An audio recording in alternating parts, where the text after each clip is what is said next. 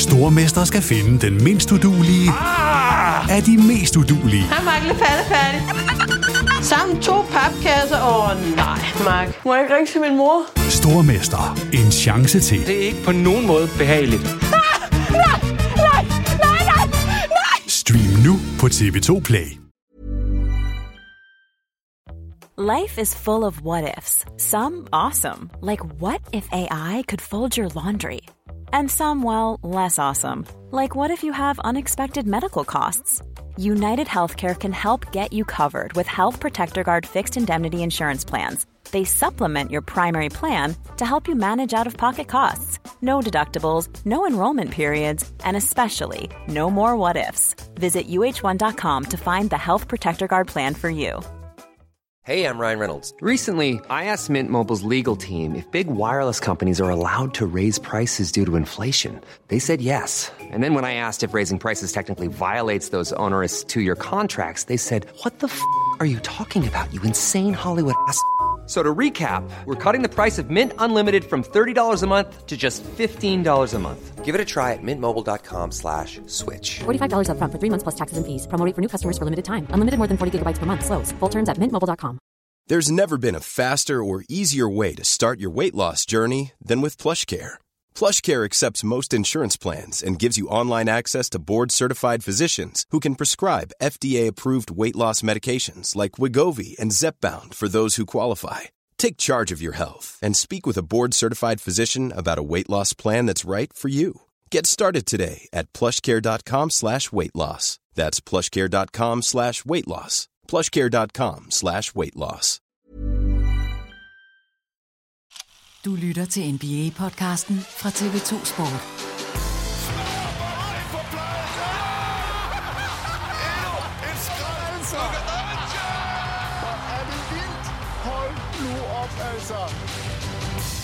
Velkommen indenfor i NBA-podcasten fra TV2 Sport her lige på trapperne til årets sidste måned. I det her afsnit, der skal vi have sat lidt ord på de forventede tophold i den her sæson, og så varmer vi op til næste uges in-season tournament kvartfinaler, der bliver spillet mandag og tirsdag. Kalenderen siger torsdag den 30. november 2023, de 30 NBA-hold nærmer sig så småt de 20 overståede grundspilskampe, så vi nærmer os altså de første 25% af grundspilsdelen af sæsonen, og som nævnt de afgørende kampe i NBA's nye tiltag, in-season turneringen. Mit navn er Kristoffer Vestrup, og jeg er som altid joinet TV2's NBA-ekspert Peter Wang. Velkommen til dig, Peter. Tak fordi du vil være med. Tak skal du have. Jeg troede, jeg skulle have en eller anden præsentation med noget sne, fordi det- er der svimmel, hvor det der sne Jeg ved ikke, om det gør det hos dig, men det gør det altså Jo, for, jo, for den. sådan men, rigtig meget. Det er rigtig fedt. Jeg har skrevet The Witty Banter. Det kommer nu, Peter. Det- Fordi i, i morgen, der træder vi ind i december måned. Og derfor, Peter, så tillader jeg mig at spørge, selvom det er dumt, og det er tidligt, men det er et tilbagevendende fokus for os, og jeg ved, vores lyttere sidder som på nåle for at blive klogere på det. Svaret er nej. Hvad er status på julegave Svaret nej, nej, nej, stop så. Det- det- Ej, men jeg vil sige, at jeg har undskyldninger galore.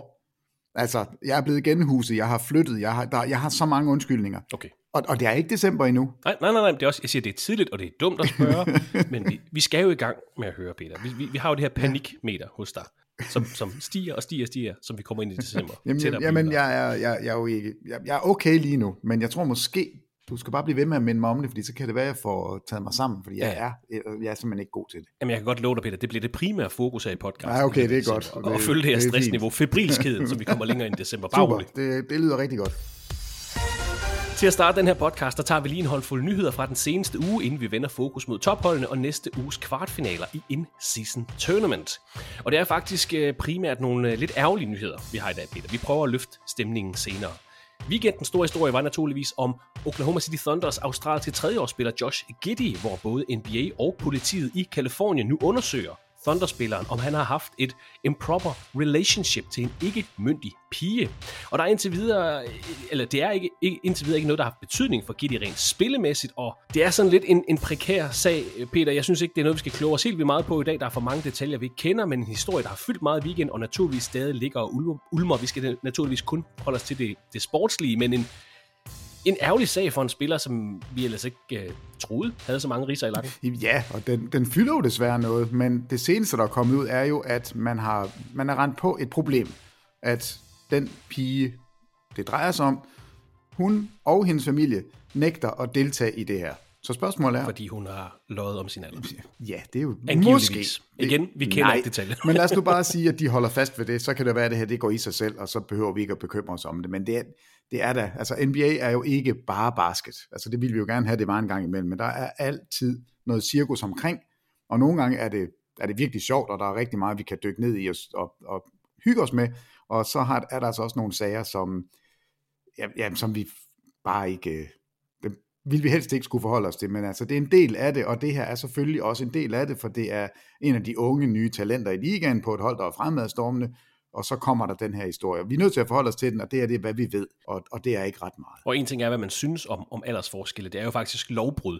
Men igen, vi kender ikke detaljerne. Vi skal nok forholde os til den, når vi får flere detaljer, og når det får eventuelt spillemæssig øh, konsekvens fra Josh Giddy hos Oklahoma City Thunder, så skal vi nok øh, tage den her sag øh, op igen. Det var også en træls weekend for Charlotte Hornets, og LaMelo Ball sidstnævnte forstod sin ankel i søndagens nederlag til Orlando Magic og forventes ud i significant time, som det hedder. Man opererer typisk med 3 grader af ankelforstuninger, og det kunne godt tyde på, at vi snakker om en grade 3 sprain, som nok betyder en pause på mellem 4 til 8 uger. Super ærgerligt for LaMelo Ball, der ellers har startet sæsonen virkelig stærkt. 24 point, 8 assists, 5 rebounds, 1,4 steals per kamp for Hornets, der dog ikke har et helt stort spille for indtil videre, men selvfølgelig en super ærgerlig skade hos en meget underholdende profil, Peter. Det er bare at pile on, altså Charlotte Hornets er ikke et franchise, hvor der rigtig er noget ro, og hvor der er noget godt at sige. Og det her, det er bare det nyeste skud på stammen. Måske kan man vende den rundt og sige, Brandon Miller, du får en større rolle, du kan udvikle dig mere. Måske kan, kan det give os noget længere ned af, af vores NBA road, men altså lige nu, der er det, det ser bare rigtig skidt ud, og det her er, er endnu en super ærgerlig skade. Og tidligere, eller lidt senere på ugen er det så tidligere i den her uge, som vi optager podcasten, der fik vi også en ærgerlig nyhed fra Golden State Warriors, nemlig at Gary Payton II, Young Glove, har fået en right calf tear, altså en lægskade og meldes ud indefinitely, en kæmpe tab for, for Golden State Warriors, der, der heller ikke helt har fået det til at hænge sammen nu, den vender vi tilbage til lidt senere i sæsonen, men to, eller lidt senere i podcasten hedder det, men øh, to ærgerlige skader, der har ramt NBA i den her uge. Og der var også ærgelser og skuffelse hos Los Angeles Lakers her i mandags, hvor de indkasserede det femte største nederlag i franchises historie, da de tabte med 44 point til Philadelphia 76ers. A lot var LeBron James svar på spørgsmålet om, hvad der skal ændres hos Lakers, så det ikke sker igen. Hvad det så betyder, det vil alle andre folk uh, tolke. Det var det største nederlag i LeBron James karriere, men i samme kamp, der blev James den spiller i NBA's historie, der har spillet flest minutter i NBA-grundspillet. En rekord, endnu en rekord faktisk, han har taget fra Kareem Abdul-Jabbar. Så masser af historie det her mandagsopgør, Peter, og mere historie til LeBron James CV, både af den gode og den ja, dårlige slags. altså der, der var faktisk rigeligt. Øhm, og når man taber en kamp, det, altså, det sker jo, og det sker jo også for selv de allerstørste. Men det her, det var en Ja. ordentlig losing, altså som du selv sagde, 44 point. Øh, og var det ikke også samme kamp, han havde sine 0 rebounds, øh, som er... Jo, det er vist også rigtigt. Og det er jo heller ikke noget, vi ser til hverdag. Vi har faktisk fået et spørgsmål på det fra, fra Mads Amitsbøl, der spørger, er det egentlig, altså er det første gang, er det nogensinde sket?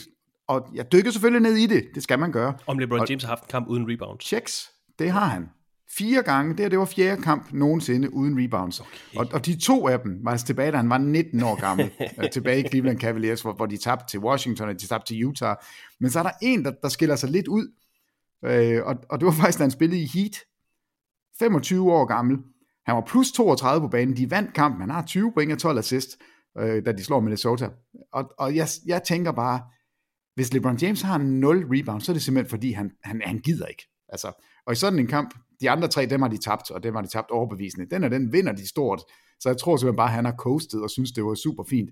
Altså han havde jo noget med Dwayne Wade, de to havde jo noget kørende på et tidspunkt med, at de vil begge to have den højeste skudprocent, og de vil begge to have altså alle mulige små interne kampe. Og jeg tænker, det, det kan være, det er en af dem. Ligesom Larry Bird, der bestemte sig for i en kamp kun at skyde med venstre hånd. Så kan det være, at LeBron han har sagt, jeg tager en kamp, vi skal nok vinde den, jeg skal nok aflevere 12 assists, det er fint, jeg scorer mine point. Jeg gider ikke tage en rebound. Nu må de andre altså lige steppe lidt op. Så det er altså sket før. Fire gange, så nu er, er den har vi i hvert fald fået øhm, vinket af i den her sæson også, men altså som 19 år gammel, som 38 år gammel, og så en i midten som 25. Han strøger om sig med dem, det er fint. Vi vender lidt tilbage til Los Angeles Lakers senere, Peter, men tror du, vi får a lot of changes hos Lakers i løbet af det her grundspil? Øh, jeg, jeg tror, der kommer nogen changes. Jeg ved ikke, om det bliver a lot. Øhm, men altså, Det, det er også, jo... Han refererer selvfølgelig også bare til noget attitude og, og noget Ja, tilgang til kampen. Altså, men, men, noget af det, han er god til, det er jo at prikke til sine holdkammerater. Altså det der øhm, passive-aggressive, det, det, der er han jo mesteren. Og det her er nok sådan lige jeg kigger på jer andre på holdet. Der, der er noget, der skal ske.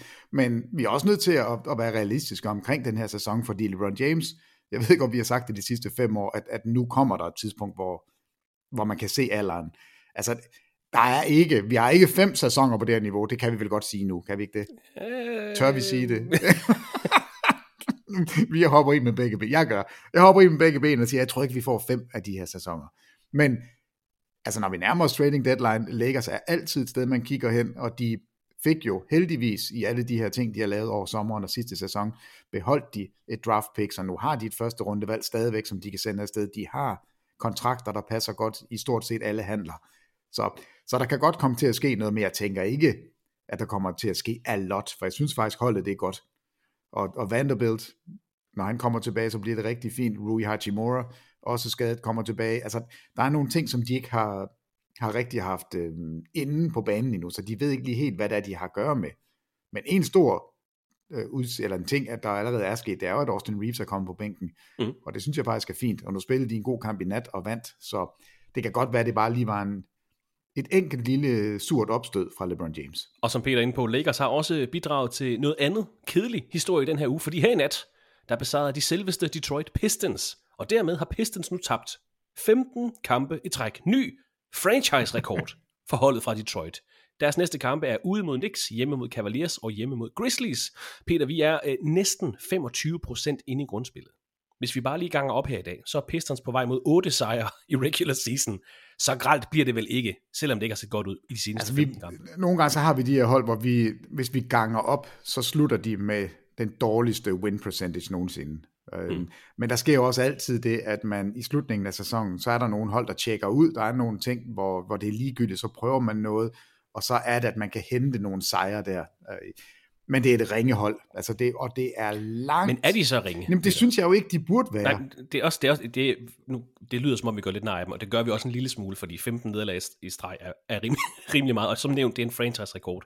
Jeg er bare skuffet over, fordi så dårlige er de faktisk heller ikke. Jamen, Kate Cunningham er, synes jeg jo... Han har ikke haft en kamp over 50% field goal percentage endnu. Nej, men, men altså det, det har været en kæmpe skuffelse det, det har virkelig været en skuffelse, og de har jo fået Assault Thompson ind, som har været altså, vanvittigt god for dem. Øh, så Kate Cunningham er der, Jaden Ivey er der, øh, Jalen Duran er der. Måske er det bare, at deres skytter, altså de, de Bogdanovic og, og hvad hedder han, Burke Joe Harris. Øh, og Harris, altså alle tre af deres formodet bedste trepointsskytter, dem der, der sådan gør den store forskel, har jo ikke været der. Så måske er det bare, at, at alle spillere skal være klar, og det de mangler lige nu, det er den samme spillertype. Altså de mangler simpelthen den der gunner, den der spiller, du bare kan give den til, hvor vi ved, at der er rimelig god chance, hvor den går i. Fordi det ændrer alt i dit angreb, at du kan det, og det kan Detroit ikke lige nu. Så måske er den ikke længere end det, men 15 i streg, det, det vidner altså om, at du er pivringe, og de sluttede også elendigt af sidste sæson. Øh, ja. De seneste 44 kampe må det være, der tror jeg, de er 44. altså over, over de, hvis vi går tilbage til sidste sæson. Så de spillere, der løber rundt derinde og var med sidste år, de må jo også have sådan lidt, oh my god, altså skal jeg løbe rundt og vinde 10% af mine kampe? Det er jeg ikke vant til. Jeg kommer fra college, hvor jeg smadrede det hele. Jeg kommer fra Europa, hvor jeg var rigtig god. Nu er jeg her i det her moras.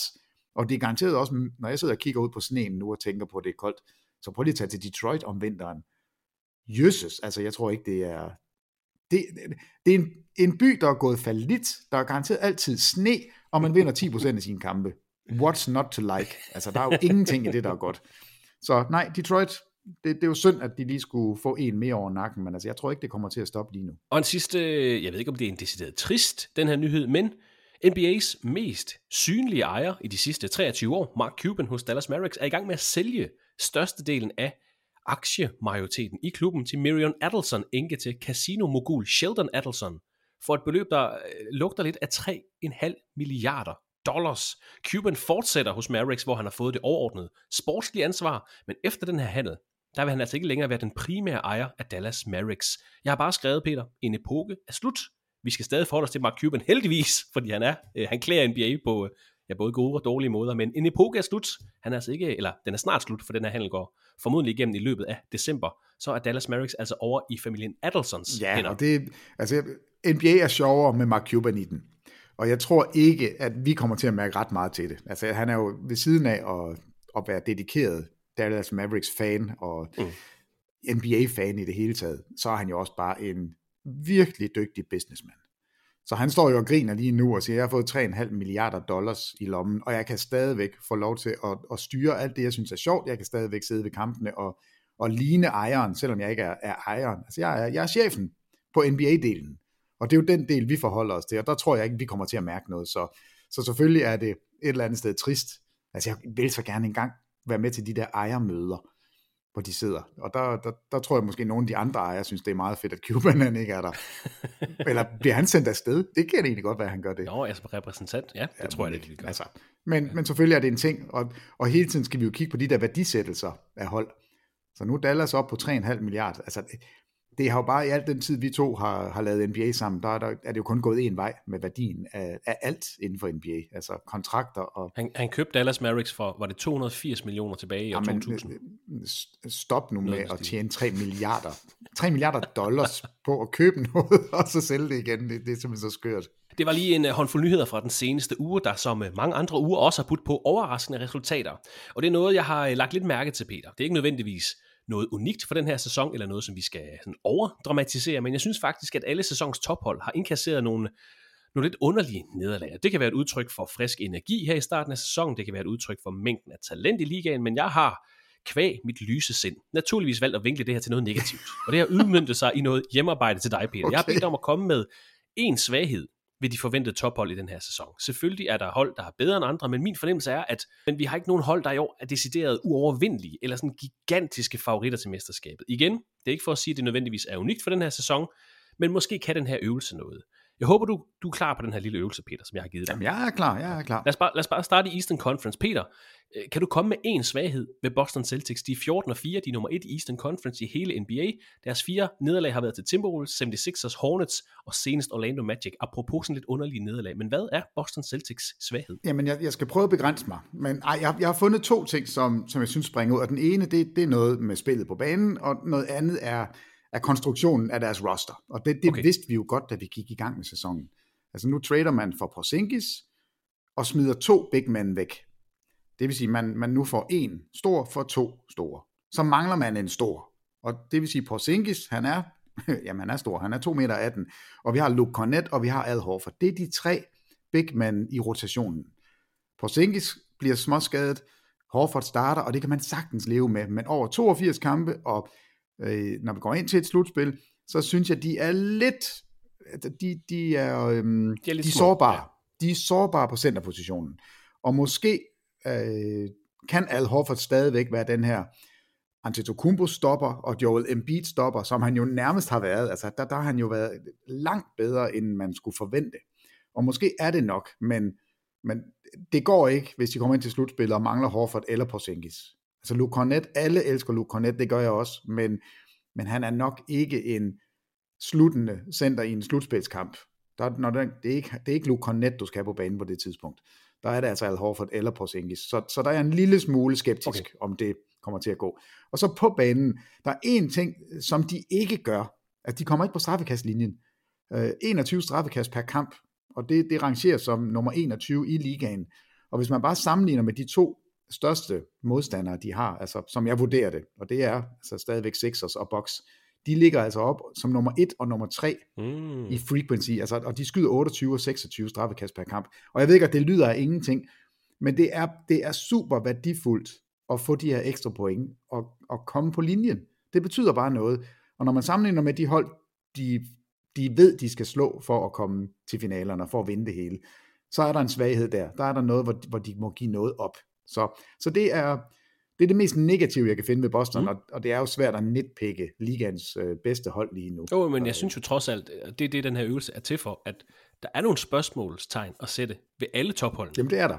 Det er og lad os bare hoppe videre til et andet tophold, Peter. En svaghed ved Milwaukee Bucks. De startede 13 og 5, de er nummer 3 i Eastern Conference, havde en lidt rodet start på sæsonen. De var ufattelig ringe defensivt. De er ved at finde noget stabilt nu. 8-1 i deres seneste ni kampe. Deres eneste nederlag i det her stime var til det andet tophold, Boston Celtics.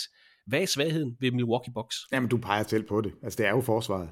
Øh, stadigvæk, også selvom de er blevet bedre. Altså sidste okay. sæson, der sluttede de som nummer 4, og det har i hele Budenholzer æraen, der har det jo været det her forsvar, som har været så svært. Altså, det har været så svært at score ved ringen, og Janis, der løber rundt som den her roamer, er, er jo, alle frygter ham jo.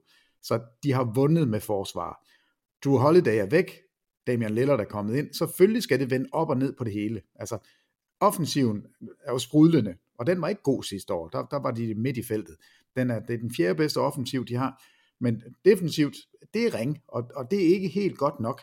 Og når dit, altså nu kalder jeg jo, altså point of attack forsvaret, altså det, det er jo sådan lidt, jeg ved ikke, hvad man skal kalde det på dansk, altså vi bruger så mange åndssvage amerikanske udtryk, men, men altså det er bare, det betyder altså noget, om du står over for Damian Lillard, eller du står over for Drew Holiday, når du dribler op i banen. Øh, det gør det bare. Og der er, øh, når det er Malik Beasley og Damian Lillard, der er de to guards, der skal stå, så er du ikke, så er du ikke super nervøs. Øh, men når du holder det alene bare er på banen, så er du lige ved at sige, jeg gider ikke være her, fordi han er så vanvittig god, og det er også derfor Bostons forsvar er godt. Øh, så det er forsvaret, der er problemet, og det, det vidste alle godt, og spørgsmålet er, kan angrebet blive så godt øh, og effektivt, at det opvejer for det? Og altså, vi har fået mange svar, synes jeg faktisk allerede. Altså, Damian Lillard ved godt, at det er ham, der skal have bolden til sidst, og vigtigst af alt, så ved Antetokounmpo det også. Så, så jeg synes ikke, det virker som om, der er, der er ballade mellem dem. Der mangler en masse ting, hvor, hvor de skal lære at finde hinanden bedre, men, men det er ikke, man har ikke en fornemmelse af, at de går sådan og kigger skævt til hinanden. Det synes jeg ikke. Så jeg er, jeg er rimelig fortrøstningsfuld på, på Milwaukees hold. Jeg synes, de er blevet bedre.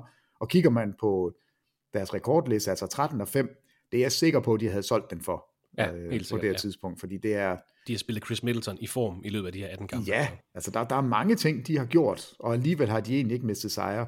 Så det, det er det, jeg har som det nikker, ja. eller der, hvor jeg har, og selvfølgelig også en rookie head coach. Altså, ja, ja, ja. Og opstarten med Terry Stotts, der, der lige pludselig ikke vil være der længere, det er de også kommet over. Så indtil videre, der, de har faktisk haft utrolig mange udfordringer, og alligevel står de og er næsten nummer et, altså en delt anden plads i Eastern Conference med Orlando. Orlando Magna. Okay, den tager på et andet tidspunkt. Det er et rigtig godt svar, Peter, men det er også vildt, at man snakker om, at, at det er forsvaret, der er deres svaghed, når de har øh, to Når du har Lopez og Antetokounmpo, har Lopez og Giannis Antetokounmpo, ikke? Altså, men, øh, men jeg, jeg, jeg er meget enig. Det tredje tophold, eller det tredje hold fra Eastern Conference, jeg lige har taget med, Peter. En svaghed ved Philadelphia 76ers. De startede 12 og 6, de ligger på fjerdepladsen i Eastern Conference, og de startede faktisk sæsonen som lyn og torden. Derefter havde de så en periode, hvor de blot var 2 og 4, nu havde de vundet to i træk, inden de så tabte til Pelicans her i nat. Deres eneste nederlag i sæsonen indtil da havde været til øhm, okay potente hold, altså Bucks, Pacers, Celtics, Cavaliers, Timberwolves.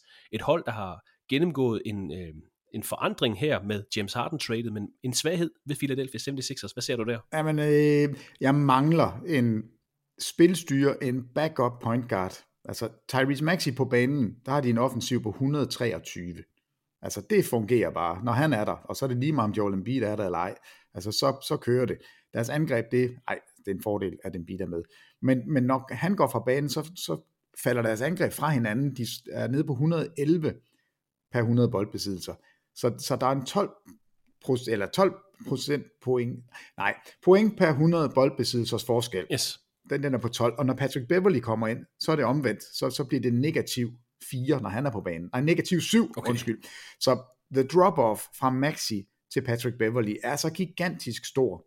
Så jeg, jeg er bange for, at man kommer til at slide Tyrese Maxi op i løbet af de her 82 kampe, fordi man forlanger så meget af ham. Og jeg ved godt, jeg kalder ham kanonkugle, når det er der en grund til. Han flyver jo fandme afsted, og, og skal man gøre det i 35 minutter over 82 kampe, for at vinde kampene, så er slutspillet altså tungt. Så, så har man lidt, lidt, øh, så sidder der lidt de i kroppen. De har brug for lidt aflastning. De har brug for aflastning, okay. lige præcis. Lige præcis. Og, og, og der, der synes jeg, det kan jeg godt se bliver problematisk, fordi de er ikke gode uden Tyrese Maxey. Det er de virkelig okay. Jeg har kun taget øh, de her tre hold med fra Eastern Conference, Peter. Celtics, øh, Bucks, 76ers. Bør vi tale om andre hold som tophold i ligaen for Øst? Øh, eller er der stadigvæk en klar niveauforskel fra Celtics, Bucks, 76ers, og så hold som Magic, Knicks, Pacers, Heat, Cavaliers måske? Nej, altså jeg, jeg vil sige, jeg er ikke bange for nogen af de andre hold øh, hvis jeg er Celtics, Bucks og Sixers, så vil jeg sige, så er det, det, det er okay. de tre lige nu. Men det, det virker jo helt skørt, når man sidder og kigger på stillingen, og ser Orlando Magic, de er der. Og ser, at de har en point differential på, på 6,0, og ser, at de har vundet 8 i streg. Og, altså, de, de... Jamen, altså, de er 13 og 5, det er ikke sådan en, en, en bogus anden plads. Nej, altså, den, er kampe, helt, altså, det... den er helt fortjent. Altså, øh, Bankero, Wagner og Wagner, som øh, Jens Lavlund har lavet et flyttefirma med. det, det, jeg synes simpelthen, det er så sjovt. Jo, og en, en genopstået Jalen Sox. Jamen, der er så mange ting, der kører øh, for dem. Jonathan Isaac.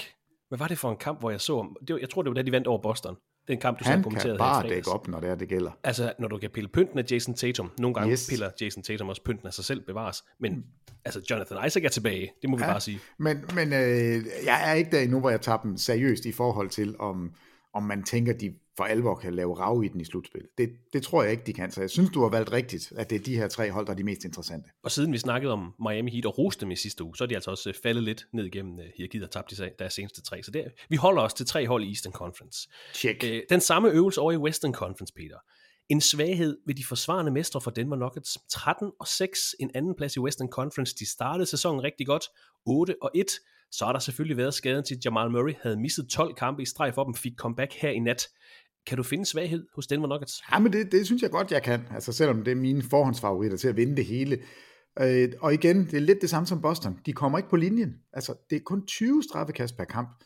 Øh, nummer 27 i NBA. Og så er de samtidig med det, så er de det dårligst skydende straffekasthold. Altså kun på 70,6 procent. Og, og det, det gør bare noget. Altså det gør det virkelig, hvis du mister en 2-3 point per kamp, fordi du ikke kan ramme din straffekast, og hvis du så mister et par stykker også, fordi du ikke, ikke engang kommer på linjen, så skal du, så skal du finde dem et andet sted. Og det er ikke det mest sådan øh, trepointsskydende hold heller. Det er sådan nogenlunde midt i. Øh, så derfor er det, ah, det er ikke så godt, og de fremprovokerer ikke steals. Altså det, de stjæler simpelthen ikke bolde. De ligger nede i sådan noget moras med Grizzlies og Bulls og Spurs og Nets og Altså, det er ikke godt nok. Wizards er, er de også omkring med det her, både med straffekasten og sådan noget. Det, det er noget skrammel. Det, det, skal de, det skal de gøre lidt bedre. Men så længe Jokic er der, og nu Murray tilbage, altså, mm. den starting lineup de har, er jo tossegod. Men skal man finde noget, så er det der, skoen trykker en lille smule. Det, det er så mest på banen. Der er ikke sådan noget, øh, nogle svagheder, sådan noget Nej, det roster-konstruktion. sy- Altså, de savner ikke Bruce Brown så meget, som de troede. Selvfølgelig ville de gerne have ham på, på bænken eller på banen, det er slet ikke det, men de savner ham ikke så meget, som vi havde troet, de ville gøre. Nej, det synes jeg ikke. Altså, jeg synes faktisk, bænken fungerer, øhm, og, og jeg er... Jeg har det på ingen måde sådan, at de er ved at, at falde fra hinanden. Nej, og okay. det, det vigtigste, tror jeg, det er, at deres anfører, og, og den, der bærer holdet, det er Nikola Jokic, og han er det er holdet frem for alt. Altså, hans statistikker stikker af, men han snakker aldrig om det, og jeg er sikker på, at han giver gerne fem point væk for to sejre. Og, altså, han er ved Gud en, en holdspiller. Altså, det er han bare, og, og det betyder så meget, at der ikke er, altså lidt, hvis vi kan kigge på LeBron James, den måde, han sidder og prikker til sine holdkammerater på og siger, nu skal der ske noget masser af, uh, uh. du hører jo aldrig Jokic sige noget som helst negativt om sine holdkammerater. Aldrig. Det kan godt være, at han gør det internt, og, og det er jo der, det, det bør holdes, hvis du spørger mig. Øh, så jeg er ikke bekymret for, for Danmark. Det, det må jeg sige, det er jeg ikke, og jeg synes, de er, altså det, det er små ting, der hvor de skal have deres forbedringer. Man, man kan så også sige, at alle quotes, LeBron James kommer med, kommer så også ud. Og jeg tror også, han bliver spurgt øh, væsentligt mere om, om både eksterne og interne ting, end Nikola Jokic gør. Men øh, Ej, der er nok forskel på at være i Danmark og, og være i Los Angeles. det tænker jeg. Øh, men, men noget af det, jeg også har, har kigget på, altså, de har jo stadigvæk den her hjemmebane, som er, det er bare et fort. Altså, de er 9-0 nu. De har ikke tabt wow. endnu på hjemmebane. Og, og det betyder altså også noget. Så de nuller afsted, går lidt under radaren, fordi der er nogle hold, der, der overhaler dem i Western Conference. Altså Minnesota ligger nummer et lige nu, og, og Denver sådan på en lille anden plads, men jeg er ikke bekymret. Det ser godt ud. Hvad så med øh, Phoenix Suns? En svaghed ved dem. 11 og 7, en 6. plads i Western Conference, som vi optager den her podcast. De startede sæsonen 2 og 4, så har de til gengæld fundet noget på det seneste syv sejre i træk, inden de så tabte til Toronto Raptors her i nat. Og jeg håber ikke, jeg stjæler dit, uh, dit svar, Peter, men der har ikke været meget kontinuitet sådan rent rostermæssigt på grund af skader til Devin Booker og til Bradley Beal. Men hvad er Suns svaghed i dit Jamen, perspektiv? jamen det, det er jo den ene ting. Det er jo kontinuiteten. De har ikke haft de tre. Okay. De ved ikke, hvad det er, de har at gøre med. Og alligevel har de den sjette bedste offensiv. Og det er altså Devin Booker og Kevin Durant, som enhændigt øh, styrer det her hold. Og så synes jeg faktisk, de brækker, de har fået til, de passer rigtig godt. Så, så offensivt, ingen problem. Pro- Altså, forsvaret, de er nede som nummer 18 i defensive rating. Det er selvfølgelig ikke godt nok. Altså, det, det er der, deres, øh, deres problem ligger. Øh, jeg, jeg synes, det er, øhm, det er svært at sige, hvad fungerer ikke på et hold, som, som ikke har haft deres hold endnu. Så måske er svaret bare, at det er kontinuiteten. Det er det, der ikke fungerer. Okay. Øh, jeg synes stadigvæk, de ser frygtindgydende ud. Altså, jeg ved godt, de kun har vundet 11 og tabt 7, og de er, altså, det, det ligger lige nu på en femteplads. dels sjetteplads. Nej, faktisk på en ren femteplads i Western Conference, og deres øh, point differential er kun på 3,2, som også er dernede. Men jeg tænker bare, når Bradley Beal kommer tilbage, når Devin Booker er der som den, en point guard med to spillere, som ikke, øh, som ikke, er, er, som ikke kan stoppes, altså i Bradley Beal og Durant, hvordan kommer det til at se ud? Hvordan bliver det her angreb? Jeg, jeg, jeg frygter det lidt for alle de andre, fordi jeg ved ikke, hvordan man skal stoppe det. Så problemet, det er forsvaret. Altså, turnovers, de smider for mange bolde væk. Okay. Øh, og, og det giver måske noget af, af den her forsvarsting, som ikke er så god, hvis de giver for mange point væk på fast break, så ikke kan nå justere. Altså, så jeg kan godt lide Nurkic, men han er stor og tung, og det er lidt problematisk at bytte på screeninger, når han er med, for han skal ikke ud på gulvet. Der er, der er han simpelthen for gumpetung. Så defense wins championships. Det sagde man i gamle dage. Jeg tror mere, det er offense nu. Så derfor er jeg ikke så nervøs øh, for, for Suns. Øh, Peter, et hold, du måske er lidt nervøs ved. En svaghed ved Los Angeles Clippers. Øh, det er et af to hold i den her snak, som indtil videre ikke har levet op til favoritværdigheden resultatmæssigt indtil videre. De er 8 og 9, ligger på en 10. plads i Western Conference. Er den svaghed, som du har fundet årsagen til, at de ikke har startet bedre? jeg ved simpelthen ikke, hvad jeg skal mene om det her hold. Altså nu havde jeg sådan en klar formodning om, at det ser skidt ud. Så tæver de Sacramento og spiller rigtig, rigtig godt. Så tror man, det hele det går godt, så taber de til øh, mærkelige, besynderlige hold. Altså deres offensiv ligger som nummer 20, deres defensiv er nummer 6, net rating på 12, det er sådan midt i ligaen. Øh, to ting. Rotationen. Hvad, hvad gør man med, med Ivica Subac? Altså er det Daniel Theiss, der skal ind og spille center, når Subac ikke kan være der? Og Subac har, nu sagde jeg, at Nurkic var lidt tung i rumpen. Der er Subac altså, øh, det, er, det er en anden liga. Han er man nede med stor og tung, og, og han skal ikke ud. Han, han, han kan ikke lide at løbe rundt ud bag trepointslinjen. Jeg ved ikke, hvad de skal gøre, når de møder Phoenix. Nå, at, at Daniel Theiss, er det løsningen? I hvert fald så er han kommet sent ind på holdet, øh, og det her hold, rotationerne, backup til, til, øh, til Subac, 10 spillere over 30, øh, puh, det, det er det bedste svar, jeg har. Altså, okay. øh, det er sådan lidt en, en, en mudret opsætning. Ja, det er det. Den, er, den står ikke sådan krystalklart. Nej, altså hvis man kigger på kampen i nat, så står det krystalklart. Så er det, så er det perfekt. Så ved, det er Kawhi Leonard, der scorer de fleste point. Det er James Harden, der, der sætter det op. Westbrook kommer fra bænken og laver sine ting. Paul George, rigtig god. Subac, altså, så er det rigtig fint. Så altså, det er et af de mest besynderlige hold lige nu. Jeg tror ikke, der er nogen, der har lyst til at møde dem, og alligevel er der nogen, der måske synes, jo, det er netop nu, vi skal møde dem. Altså, det, jeg kan ikke gøre mig klog på dem. Jeg ved ikke, om de er favorit, når de, når de går ind på banen. Men det var et forventet, det var et forventet tophold. Det var et af dine forventede tophold. Det er derfor, jeg yes. tager med. Ja. Og, og, det kan også godt være om, om nogle kampe, at jeg igen er der. Lige nu, der er jeg bare øh, to be determined. TBD. Altså, jeg, jeg er simpelthen så forvirret. Og, og det vidner det jo også om, når vi ser, at de er 5 og 5 over de seneste 10 kampe, de er 8 og 9 over sæsonen, de er 5-3 på hjemmebane, 3-6 på udebane. Der, der er ikke noget, vi sådan rent kan sætte fingeren på. Det her, det fungerer bare, eller det her, det fungerer bare ikke. Andet end rotationerne. Der er ikke styr på. De ved endnu ikke, hvad de skal. Så stakkels Tyrone Lue. Det er lidt synd for ham. Lad os se nærmere på det andet Los Angeles hold. Hvad tænker du er svagheden hos Los Angeles Lakers, de har været? Kyniske mod bundholdene. 6-0 mod hold med en 500 record eller dårligere. De har haft lidt flere problemer med topholdene øh, på nær Phoenix Suns, som de har slået to gange indtil videre. 11 og 8 efter 19 kampe, og en syvende plads i Western Conference. Hvad er Lakers svaghed? Jamen altså, øh, øh, to ting. LeBron James skal ikke spille 35 minutter og være den mest scorende spiller i fjerde kvartal og, og være med i alle kampe på det her niveau. Altså det, det kan han simpelthen ikke holde til over 82 kampe. Det tror jeg ikke på. Uh, Anthony Davis, 35 minutter per kamp og skal styre alt. Altså, man er nødt til at give dem en lille smule, et lille break. Deres offensiv er hæslig. Altså, deres angreb er så ringe.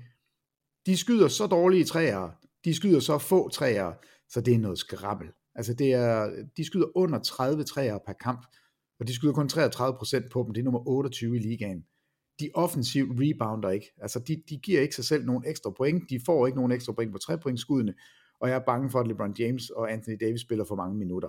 Okay. Den der lidt brede bænk, vi talte om, de havde, den mangler de, og den skal altså snart komme tilbage og hjælpe dem. Ja, som du også har nævnt, der har også været skadesproblemer, massive har skadesproblemer været masser, hos dem, kan vi sige. Og det er stadigvæk et hold, jeg tænker, de kan vinde mesterskabet. Jeg har ikke lyst til at møde LeBron James og Anthony Davis i slutspillet, men de skal lige nå dertil. Altså det, det, er, det er faktisk det, der er min største bekymring. Fordi jeg vil gå i krig med Davis og LeBron James til hver en tid mod alle. Altså sådan yes. har jeg det, og jeg er sikker på, at at det er også det, alle andre hold kigger på og siger, åh, kan vi ikke løbe dem trætte? Kan vi ikke løbe dem hele vejen ud af slutspillet? Det ville være fantastisk, at de ikke stod der, når vi, når vi kommer dertil. Men altså, det har jo ikke, det har været en meget ujævn sæson, og du siger det rigtigt, de tæver de dårlige hold, og det skal de gøre. Men altså, de ligger uden for play-in, eller de ligger i play-in-kampene lige nu. De er 11 og 8, 7-2 på hjemmebane, 4-6 på udebane. Deres, de har en negativ point differential. Øh, så, så det er, offen, det, det er offensiven, der, der ikke fungerer lige nu. De får simpelthen ikke point nok per boldbesiddelse. Og det sidste hold, jeg har taget med i den her øvelse, i den her snak, det er Golden State Warriors, der heller ikke har været helt op at ringe endnu. 8 og 10 er de indtil videre. Og en 11. plads i Western Conference. På et tidspunkt, der var de på et 6-game losing streak, der har været den her øh, episode, og karantæne til Draymond Green. Hvad er Warriors svaghed, Peter? altså, Martin Lenskjold, han skrev jo til os og sagde, at måske skulle vi indføre en ny kategori med, med ugens citat. Og der, der, hvis man gør det, altså hvis vi på et tidspunkt kigger på sådan noget, så vil det her være godt fra Steve Kerr. We are not in free fall, siger han efter den seneste kamp. Og når en head coach som Steve Kerr går ud og siger det her, så er det jo fordi rigtig meget støj omkring holdet siger, jo, det er I. Det ligner sat hvad nede med noget skrammel lige nu. I er i free fall. Det eneste konstante og det eneste gode, I har gående for jer, det er lille Steph Curry. Det er ham. Han er god. Han er en MVP-kaliber spiller. Han skal bære alt lige nu. Offensiven. Hvor er Clay Thompson? Hvor er Andrew Wiggins? Defensiven. Hvad laver Draymond Green andet end at brokke sig? Altså, det er et middelmodigt angrebshold. Det er et middelmodigt forsvarshold. De har en net rating på 19. Det er simpelthen ikke godt nok. De laver fejl på fejl på fejl. Det er det 28. mest fejlende hold. Altså, okay. dem, der laver flest fejl. Det, så de er simpelthen bare ude de af synk? Fordi de, altså, de, de, har, jo, de har jo kvaliteterne. Det er jo det samme hold, der vandt mesterskabet for Ja, men det er altså ikke den... Andrew Wiggins er ikke den Andrew Wiggins, vi så. Nej. Og, og nogle undskyldninger er altså, at han, øh, hans offseason har været dårlig. Altså han har ikke kunne spille sig, han har ikke kunne træne ordentligt i offseason, så måske skal han spille sig i form. Det går der forlyden om.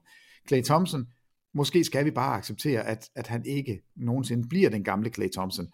Øh, han skyder utrolig mange alt, alt for svære skud, sådan som om han prøver at vise os alle sammen, jeg er stadigvæk, jeg er her, I kan se, jeg kan godt. Men det kan han ikke. Altså han rammer dem simpelthen ikke. Og altså, jeg ved ikke, hvornår man begynder at tale om det her, men hvad skal Clay Thompson, er det en spiller, vi skal beholde for enhver pris? Ja, free agent skal, ja. skal vi ud og lave trade? Altså, er det Zach Lavine, vi skal have ind på Warriors-mandskabet for at få det her offensive pop, og så håbe, at det, det ikke koster for meget i defensiven. Zach Lavine, som i øvrigt, var han en for ni i nat. Yeah. Så han har to på, altså det, det, er i hvert fald en hæslig statline, som skriger til himlen, jeg vil væk, må jeg godt få lov til at komme væk fra Chicago? Nå, den kan vi tale lige om lidt. Men altså, det, det er, det er et hold, som jeg er ikke enig med Steve Kerr, de er altså lidt i free fall. Okay. Det, det må man sige. Det, det fungerer bare ikke for dem, og de er også de er uden for play-in-kampen lige nu hjemmebanen har ikke været god for dem i år, som den var sidste år. De er 3 og 6 på hjemmebane. Så de er simpelthen bare ude af synk, og måske er Warriors i år ikke bedre? Jamen altså, vi, åh, vi har jo lidt fokus på Jordan Poole altid, fordi jeg har i hvert fald begyndt at lave sådan et, et, et, øhm, et Jordan Poole count. Jeg vil gerne prøve at tælle, hvor mange kampe han er positiv på banen. Han har en i denne sæson. Altså det, det er ikke så godt. Øhm, Laveste plus minus i november. Jamen, han er, det er også, det, ja, det er hæsligt med ham. Men han var den der offensive spiller, der kunne komme ind i sidste sæson. Han, de mangler Jordan Poole. Det lyder vanvittigt, men det gør de. En kontrolleret Jordan Poole, og det var han hos Warriors, er en god Jordan Poole. En Jordan Poole, som må gøre alt, hvad han vil, han er ikke god. Øh, det er han bare ikke. Så de mangler det der. Altså Chris Paul, synes jeg, har gjort øh, alt og mere til, som, som backup point guard. Jeg synes, han har været rigtig, rigtig god. Men altså, Draymond Green har jo været ude af kontrol i den her sæson. Altså, de her fem kampe, og så sidder han og siger, jamen, jeg laver ikke noget om, at han fatter jo ingenting. Han forstår ikke, hvorfor det er, han har siddet ude i fem kampe. Han kan ikke forstå, at, at der er nogle ting, som man ikke skal gøre. Nu får han også en teknisk i nat. Altså, det, det er, det kører ikke for dem lige nu. Og jeg siger ikke, at Steve Curry er ved at miste omklædningsrummet. Det, det tror jeg ikke, han er. Altså, det er, det er Steph Curry, der, der bestemmer. Og jeg er sikker på, at Clay Thompson bliver ikke traded, hvis Steph Curry siger nej. Vi skal ikke af med, med Clay Thompson. Men de skal have tilført et eller andet, og, og Zach Lavine synes jeg kunne være et interessant svar. Men hvis man skal have Zach Lavine, så skal kontrakterne passe, og så bliver det svært at, at gøre det uden Clay Thompson, eller Andrew Wiggins, og, og Wiggins synes jeg er for værdifuld, så det er Clay Thompson, jeg kigger på. Men jeg sidder ikke og siger, at vi skal trade Clay Thompson, fordi det synes jeg jo heller ikke, altså jeg kan jo godt lide, at man, jeg kan stadigvæk godt lide loyalitet og spillere, der bliver ved det samme franchise, og jeg kan godt lide historien om, at de her spillere, de kan få lov til at slutte deres karriere sammen. Det, det kunne jeg godt tænke mig. De er simpelthen ikke gode nok lige nu. Og nu skal de også forholde sig til øh, skader til Gary Payton II, og faktisk også til øh, Chris Paul. Og nu vil folk så sige, hvorfor har I ikke øh, Timberwolves, der ligger nummer et med? Hvorfor har I ikke Mavericks, der ligger nummer tre med? Eller Thunder eller Kings med i den her snak? Der kan jeg jo så spørge dig, Peter, bør vi det? Er der et eller flere af de her hold, som skal være med i topholdsnakken efter de første små 20 kampe? Ja, men det, det skal de. Altså Minnesota Timberwolves er vi simpelthen nødt til at tage med. Mm-hmm. De ligger nummer et i Western Conference. De har vundet 13 og tabt 4. Det er kun Boston Celtics, der er bedre i winning percentage. De er 8-1 på hjemmebane. De er 5-3 på udebane. De har en point difference på 6,7. Næst højst i Western Conference. Det er faktisk Thunder, der har den højeste. Det, det, er, jo også, det er jo også skørt. Men Minnesota har fundet noget. Altså, det vi troede sidste år, det er, det er sket i år. De har den bedste defensiv i NBA. Det troede jeg simpelthen aldrig nogensinde ville ske, hvis man havde Carl Anthony Towns på banen. Men Towns er, er han 50, 40, 90 stadigvæk? Det var han i hvert fald øh, for nylig. Altså det, det, det, han nærmer sig i hvert fald. Hans offensiv er ved at finde det. De har Anthony Edwards, som er en, en sprudlende stjerne. Hierarkiet i på holdet er faldet på plads. De ved, Anthony Edwards er den bedste. De ved, Towns er offensivt fantastisk, og de ved, eller de har fundet ud af, at Rudy Gobert i hvert fald i år dækker op, som Rudy Gobert skulle sidste år. Han gør det, han skal. Han forsvarer ringen, han dækker op, han er virkelig, virkelig god. De smider for mange bolde væk. Altså det, det er noget, de er, de er nødt til at stoppe med.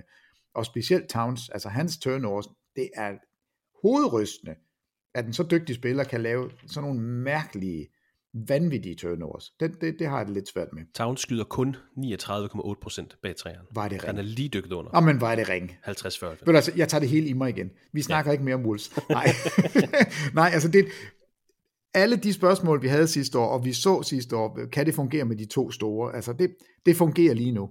Jeg har stadigvæk min tvivl, når vi når til slutspillet. Hvad, hvad gør de? Kan det stadigvæk fungere? Er det Rudy Gobert, som, som bare ikke kan spille slutspilsbasket? Altså, I don't know. Øh, men lige nu fungerer det, som man skal nævne det. Det er ligands bedste forsvarshold. Ja, props. Så ja. props for det. Så øhm, Minnesota, kæmpe sæson indtil videre. Det, det er simpelthen så flot. Tak fordi du øh, igen accepterer min små julelej. Tak for svar, Peter. Godt arbejde med masser af ord på en række NBA's øh, tophold indtil videre. Selv tak.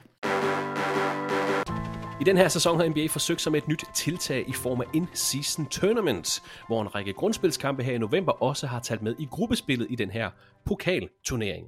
Tirsdag i denne uge bød på de sidste af de her gruppespilskampe. Hvert af de 30 hold har nu spillet fire gruppespilskampe. De seks grupper er afgjort, og ud over de seks gruppevindere har vi også fundet to wildcard-hold. Det er altså to hold med de bedste in-season record ud over de her seks gruppevindere, og der er et wildcard-hold fra Eastern Conference og et fra Western Conference. Dermed har vi altså fundet de otte hold, der er videre til kvartfinalerne i in-season turneringen. Fire kvartfinaler, der bliver spillet i næste uge, to kampe mandag den 4. december og to kampe tirsdag den 5. december. Alle fire kampe og de efterfølgende semifinaler og finalen kan naturligvis følges på TV2 Sport X. Jeg tænker, vi skal have, vi skal have sat lidt ord på de her fire kvartfinaler, Peter. Vi behøver ikke gentage vores entusiasme for det her nye format, men det er da ret fantastisk, at vi altså især her i tirsdags og i fredags kunne gå lidt mere op i det her grundspils- og gruppespilskampe. Man har faktisk siddet og talt pointforskelle i de her forskellige grupper. Den her Orlando Magic sejr over Boston Celtics i fredags var jo faktisk ved at sende øh, Celtics helt ud af turneringen. Der har været sådan en helt ny tænding, især i de sidste to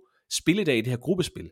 Og der kommer jo øh, med garanti endnu mere intensitet i de her knald kampe, som vi altså ja, får næste uge. altså jeg, jeg, synes, øh, jeg synes, vi skal blive ved med at rose det her format. Jeg synes, vi skal blive ved med at sige, at vi er glade for det.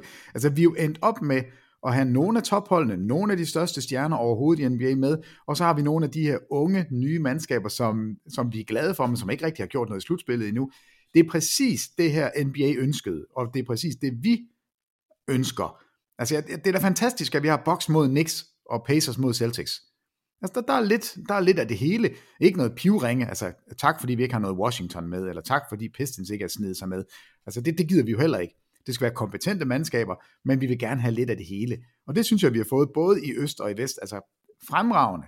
Øhm, og, og vi kan godt snakke om, hvem vi så tror vinder de her kampe, men jeg synes lige til det der med point differential, som har været det afgørende, det har jo affødt nogle diskussioner også på banen. Altså vi så jo Billy Donovan og Joe Masula komme lidt op og skændes, fordi Boston beholdt deres starter inde i, i kampen, netop fordi de ville tæve Chicago så stort som muligt. De havde brug for en, en større pointforskel end Orlando Magic for at De videre. skulle vinde, og de skulle ja. vinde stort.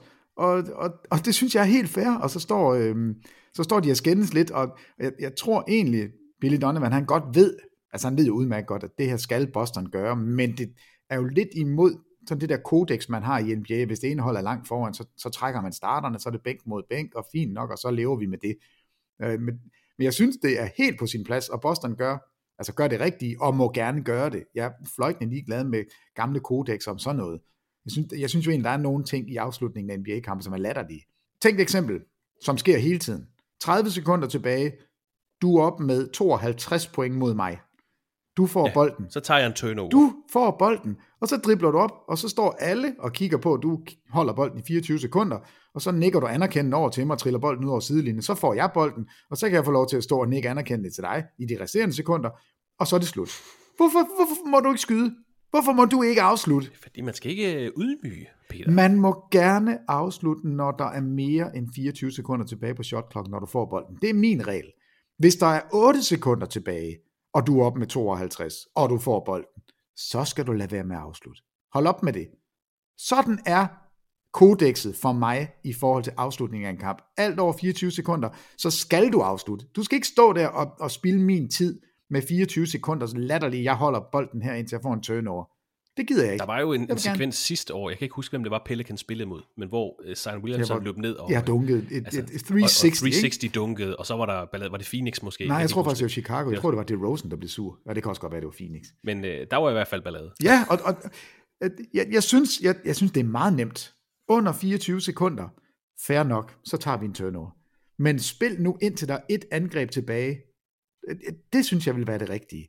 Og hvis det er et in-season tournament, som vi har nu, så skal man prøve at vinde så stort som muligt, fordi man vil gerne til Las Vegas, man vil gerne vinde en halv million. Og det er der også blevet ballade med. Nu, sidder, nu er der jo flere, der sådan, hvorfor skal jeg interessere mig for det her? Det betyder jo bare, at de rige får mere. Hallo, er det ikke fedt at have nogle kampe, som betyder noget? Om det så er fordi spillerne får en halv million mere, det, det kan jeg ikke have ondt i røven over. Altså sådan, sådan er det. Så jeg synes, NBA har ramt den rigtigt. De har skruet på de knapper, de kan skrue på, og, og desværre, det kan vi så godt være enige om, desværre er det økonomien, der gør det. Men altså, det lykkedes, og jeg synes, de, de otte hold, der er med, jeg synes, det, det er så fint, det er dem, og jeg glæder mig helt vildt til de her øh, kvartfinaler. Lad os bare få de her fire kvartfinaler på plads. Den første af dem bliver spillet kl. 01.30 natten til tirsdag i næste uge. Det er Indiana Pacers mod Boston Celtics. To gruppevindere mod hinanden. Pacers gik 4-0 i gruppespillet med sejr over Cavaliers, 76ers, Hawks og Pistons. Celtics var 3 i det gruppespillet. De vandt over Nets og Raptors, så tabte de til Orlando Magic, inden de så vandt over Chicago Bulls. Øhm, der var tre hold i Celtics gruppe, der var 3-1, men Celtics havde altså den højeste point for forskel. Celtics og Pacers har mødt hinanden en gang i grundspillet, og her var der ikke ret meget spænding, kan vi godt sige. 155-104 til Celtics. Flest point scoret af Boston Celtics i en kamp siden 58-59 sæsonen. Peter Indiana Pacers har været en stor positiv overraskelse her i starten af sæsonen. De var 4-0 i deres gruppe. De har smidt nogle lidt underlige kampe på det seneste til, til Raptors, til Trailblazers. Celtics har også haft nogle underlige nederlag, som vi har været inde på, til Hornets og Magic. De er uden Kristaps Porzingis formodentlig til den her kvartfinale.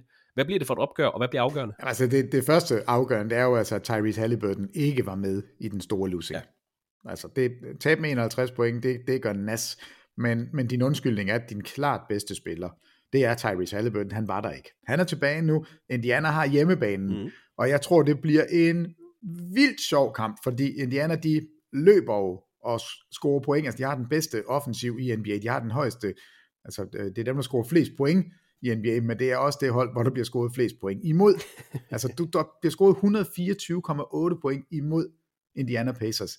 Det eneste hold, der kan matche dem i elendighed, det er Washington Wizards.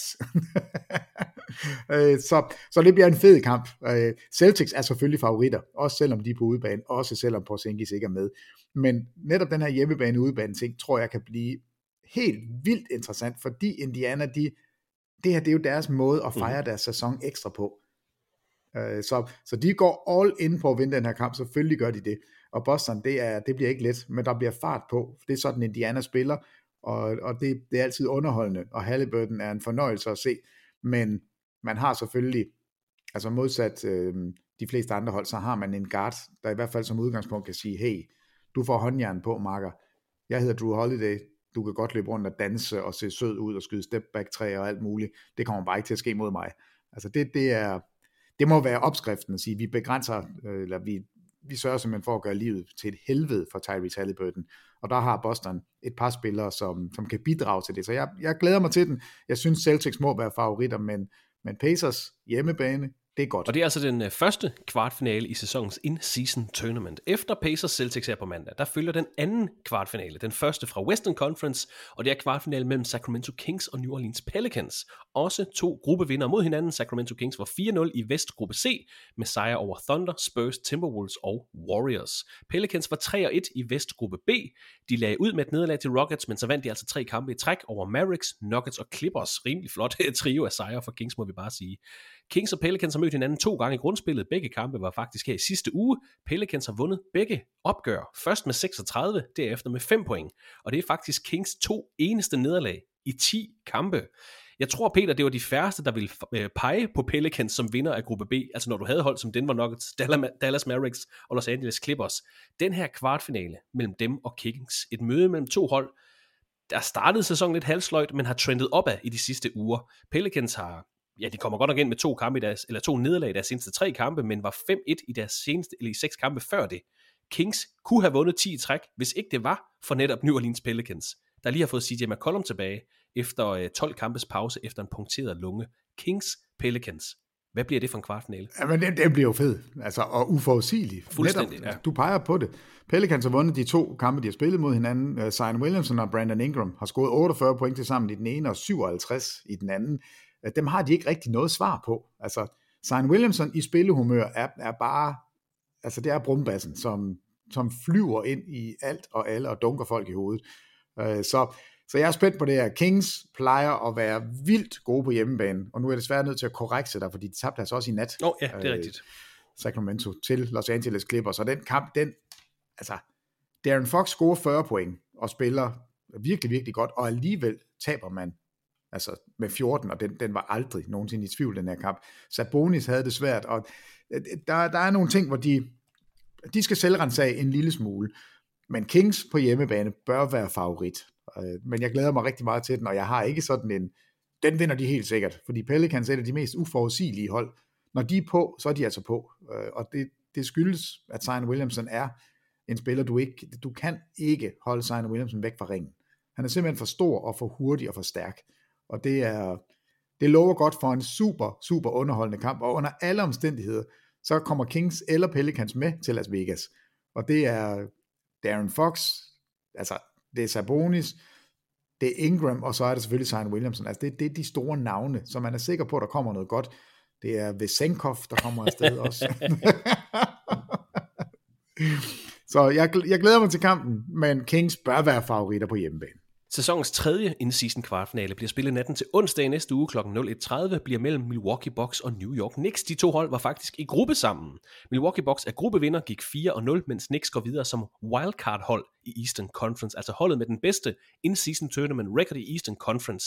Og derefter kigger man så på point differential, hvor Knicks altså var nummer et blandt ja, de næstbedste hold i Eastern Conference. Men Bucks vandt alle kampe i East gruppe B. De vandt over Knicks, Hornets, Wizards og Heat.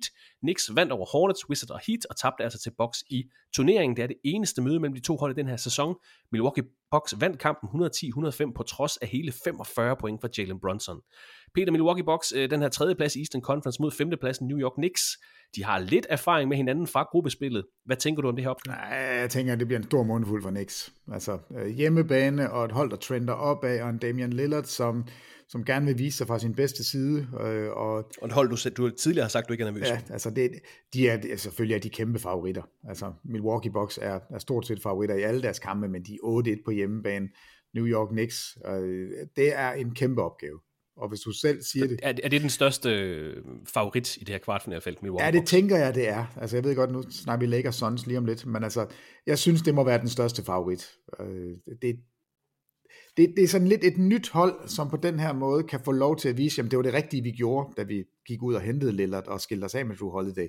Det er en rigtig fin måde at sende et signal til deres fans på, at vi er her. Vi kan også vinde de her, sådan, de her lidt mindre turneringer på vej mod mesterskabet, Damian Lillard vil selvfølgelig gerne, altså han er jo skabt til sådan noget her, vind og forsvind kampe. Der er ikke ret mange spillere i ligaen, jeg heller vil have end Damian Lillard. Og det er jo det, vi er ude i nu, og det er jo derfor, det, det er super interessant og super sjovt, fordi vi har ikke fået lov til det her før i NBA's historie, at have så mange kampe, hvor, hvor vinderen går videre og taberen går hjem. Øh, så Milwaukee, kæmpe favorit i den her. Hvis Knicks så skal overkomme den her favoritværdighed, hvad skal de så øh, lukrere på i opgøret mod Nick Box? Jamen, der er en eller anden, der skal have fat i Julius Randle og, og fortælle ham, at øhm, dit bundniveau er så lavt, at, at hvis du nærmer dig det, så har vi ikke en, en chance, altså overhovedet. Der er ikke noget at gøre. Vi, vi har ikke nogen plads i NBA, når du er den dårlige version af dig selv. Er du den gode version af dig selv, og den er der ved Gud et sted. Altså, vi skal snakke real MVP om et øjeblik. Men altså, Julius Randle kan jo. Han har nogle krummer. Altså, det er ham, du skal have fat i. Du skal fortælle ham, han er nødt til at dække op. Du er nødt til at fortælle ham, at Giannis Antetokounmpo er en lang, tynd græker, der kommer ind, og han smadrer os. Det kan ikke passe. Forsvar det amerikanske flag. Kom okay, nu, Julius Randle. Han er sådan en x-faktor, fordi vi ved, Bronson leverer. Han er ja. altid min x-faktor for New York okay. Knicks. Altså, og hans bundniveau, jamen, jeg siger det bare igen, det er så latterligt lavt i forhold til, hvor dygtig en spiller han er. Han er så luddoven, når han er doven. Altså han er mere doven, end dogne mennesker kan være dogne.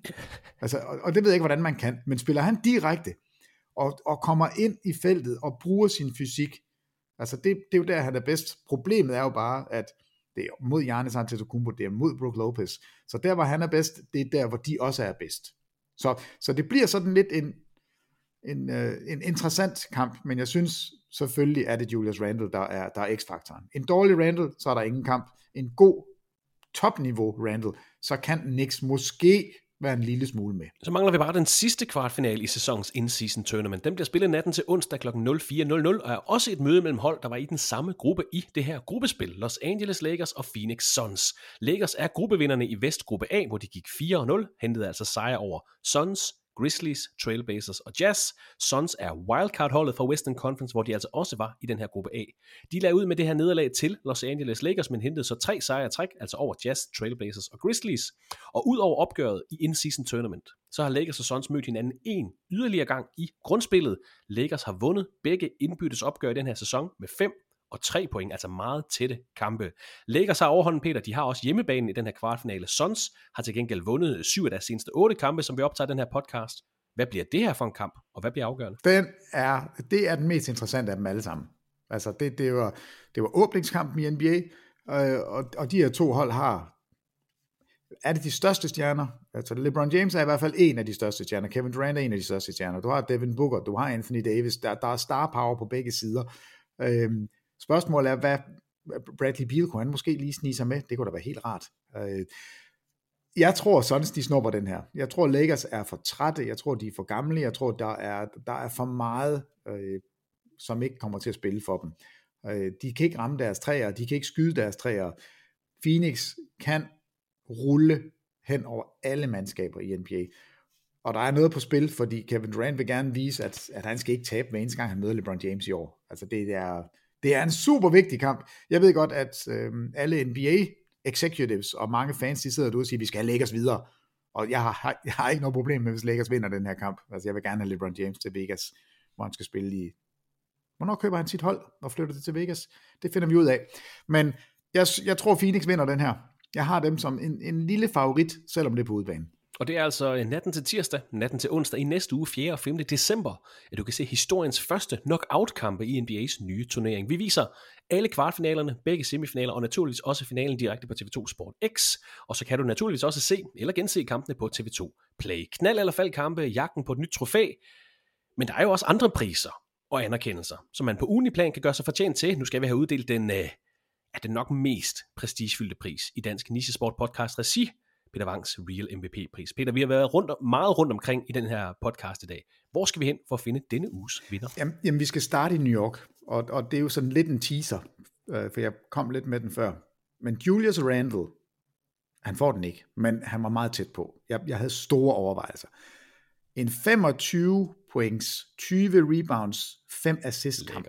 Den er lækker. Og jeg var selvfølgelig inde og kigge på, hvor, hvor ofte sker sådan noget egentlig, og, og det sker faktisk sådan rimelig tit. 25-20. 25-20-5. Hmm.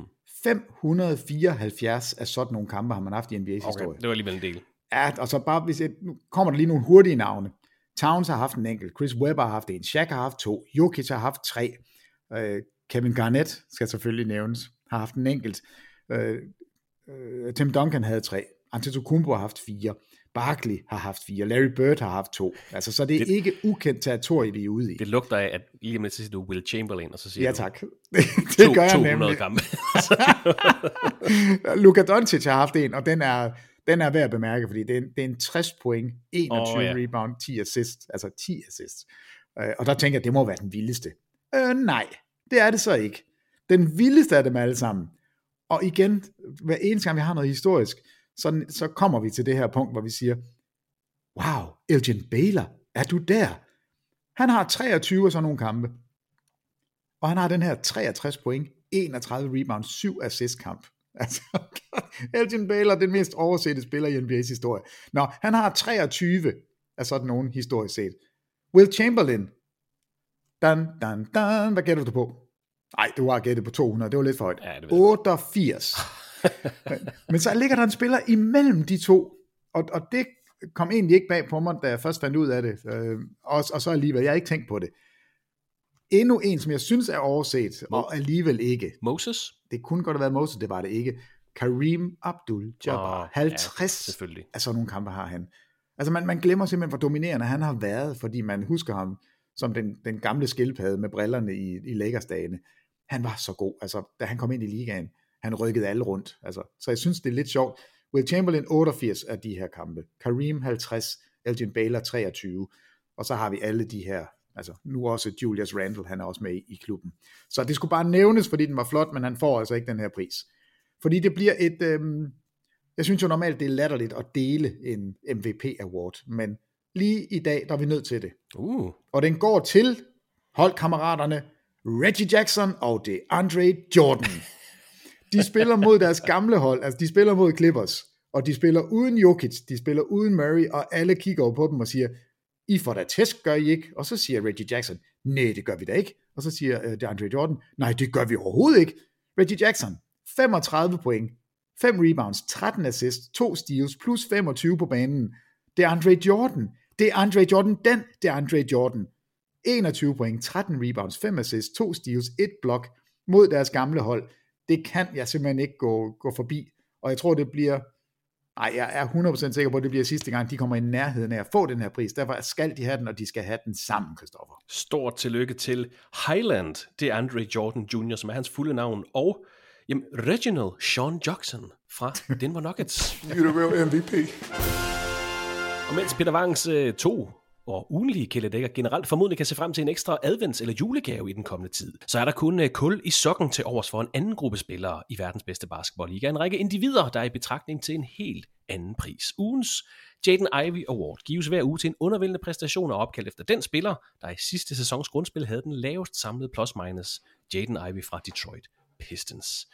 Vi har haft en øh, meget sjælden minus 30 kamp fra LeBron James. Vi har haft en Paul George kamp, hvor han var 2 for 13, en Zach Lavine kamp, hvor han var 1 for 9. AJ Griffin var 0 for 8 for Hawks i to kampe. Theo Maladon har haft tre 0 kampe fra det seneste. Don't tempt me, Frodo. uh, Amori Brooks er 0 for 10 i sine sidste tre kampe for Brooklyn Nets. Jacob Gilliard fra Memphis Grizzlies er et nyt navn på vores uh, radar. AJ Griffin fra Atlanta Hawks er 0 for 13 i deres sidste to kampe. Men, men, men, men, men. Der har faktisk ikke været nogen tvivl den her. Ugens Jaden Ivey Award går meget passende til hele Detroit Pistons for deres franchise record. 15 nederlag i træk. Så kan I lære det, Detroit Pistons. Peter, vi har nævnt nogle nyheder. Vi har været forbi en masse række tophold. Vi fik lidt et historisk vingesus her til sidst. Vi har snakket om næste uges in-season kvartfinaler. Meget, meget spændende.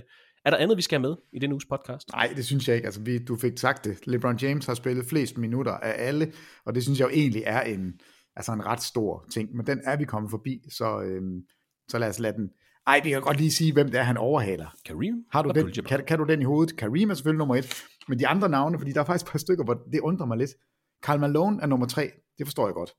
Kobe 4, Dirk Nowitzki 5, Tim Duncan 6, og så kommer på syvende pladsen, og jeg tror ikke, hvis du havde givet mig 50.000 gæt, Syvende pladsen på vil du, minutter vil du prøve? i spillet. Syvende pladsen på all-time spiller, altså minutter. Robert Parrish? Nej. Jamen, du, du kan ikke gætte. Jeg, jeg, Nej, jeg var helt sikkert gået med øh, øh, John, John Stockton. Det troede jeg.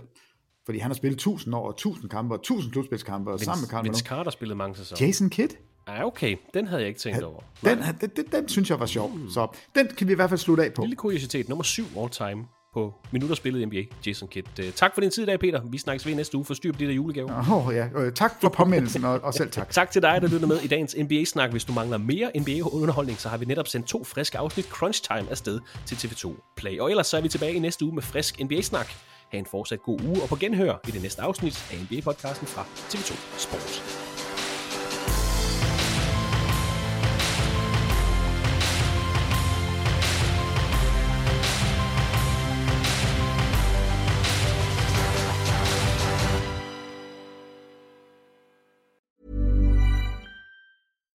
Hi, I'm Daniel, founder of Pretty Litter. Cats and cat owners deserve better than any old fashioned litter. That's why I teamed up with scientists and veterinarians to create Pretty Litter. Its innovative crystal formula has superior odor control and weighs up to 80% less than clay litter. Pretty Litter even monitors health by changing colors to help detect early signs of potential illness. It's the world's smartest kitty litter. Go to prettylitter.com and use code ACAST for 20% off your first order and a free cat toy. Terms and conditions apply. See site for details. Mom deserves the best, and there's no better place to shop for Mother's Day than Whole Foods Market. They're your destination for unbeatable savings, from premium gifts to show-stopping flowers and irresistible desserts. Start by saving 33% with Prime on all body care and candles. Then get a 15-stem bunch of tulips for just $9.99 each with Prime. Round out Mom's menu with festive rosé, irresistible berry chantilly cake, and more special treats. Come celebrate Mother's Day at Whole Foods Market.